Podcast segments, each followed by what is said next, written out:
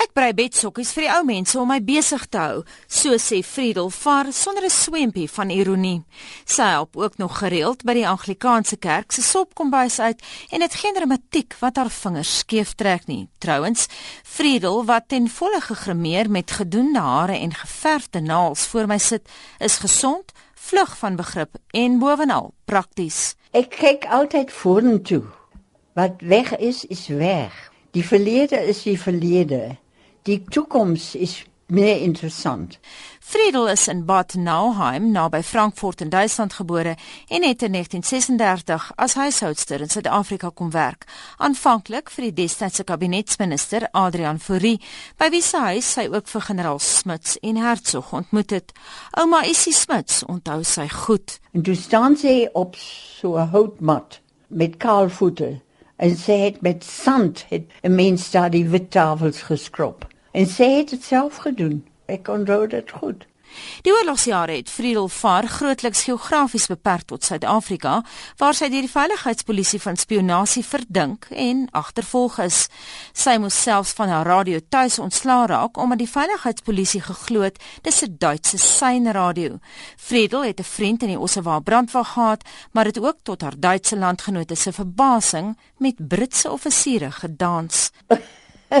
Dit was 'n Engelse offisier van die lugmag En hy dans met my in ons gesels en toe sê vir my, "Jy kom nie van hier vandaan." Ek sê nee. Toe dans ons aan en hy sê weer, "Jy kom nie van hier vandaan." Ek wou nie vir hom sê nee dat ek Duits was. Toe sê ek, "My Engels was maar baie swak." Toe sê ek, "No, I'm imported." En dit was die einste Britte teen wie sy skermkuns beoefen het, waar sy 'n sekere kaptein Barber behoorlik die loef afgesteek en 'n silwer medalje ingepalm het. Dit was maar die fout van die kaptein, die Britse kaptein. Hy het vir my voorsprong gegee. Maar hy het hom vererg na die hand. Want hy het daardie voorsprong te groot gemaak vir my. Ek was nie so goed nie eintlik met die veg. ek moet vandag nog lag as ek daaraan dink. As jong meisie het Friedel saam met haar skoolmaats ook hulde gebring aan die sogenaamde Flying Baron, die Duitse volksheld Manfred von Richthofen wat op 21 April 1918 in Frankryk deur die geallieerde magte afgeskiet is.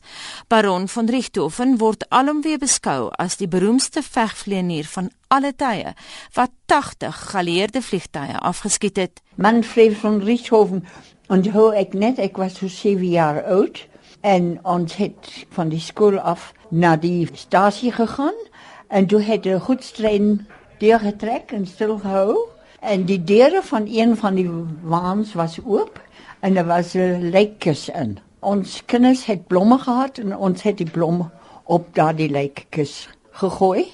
Toe later vra ek my broer wie was dit? Toe sê hy vir my Manfred von Richthofen.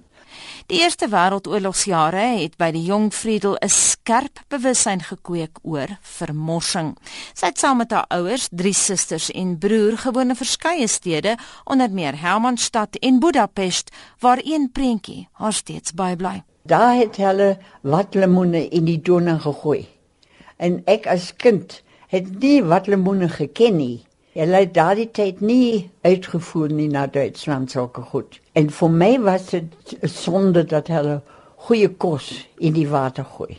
Tydens 'n besoek aan haar tuisstad Bad Nauheim in Duitsland in 1958 het sy ook kans gekry om 'n baie jong Elvis wat by die Amerikaanse basis in Frankfurt gestasioneer was te ontmoet. Hy het baie dromerige oë gehad. dit het vir my imponeer, maar anderster, hy was nog nie so beroemd nie dan nie, het begin. In 1945 is Friedel getroud met 'n Engelsman, Horace Arthur Farr, wat as ingenieur in Palestina gewerk het. Saam met hom het sy ook ander dele van Afrika beleef en is sy onder meer op 'n SAL toetsvlug oor Kilimanjaro geneem. My huwelik, hm, dit het nie gewerk nie.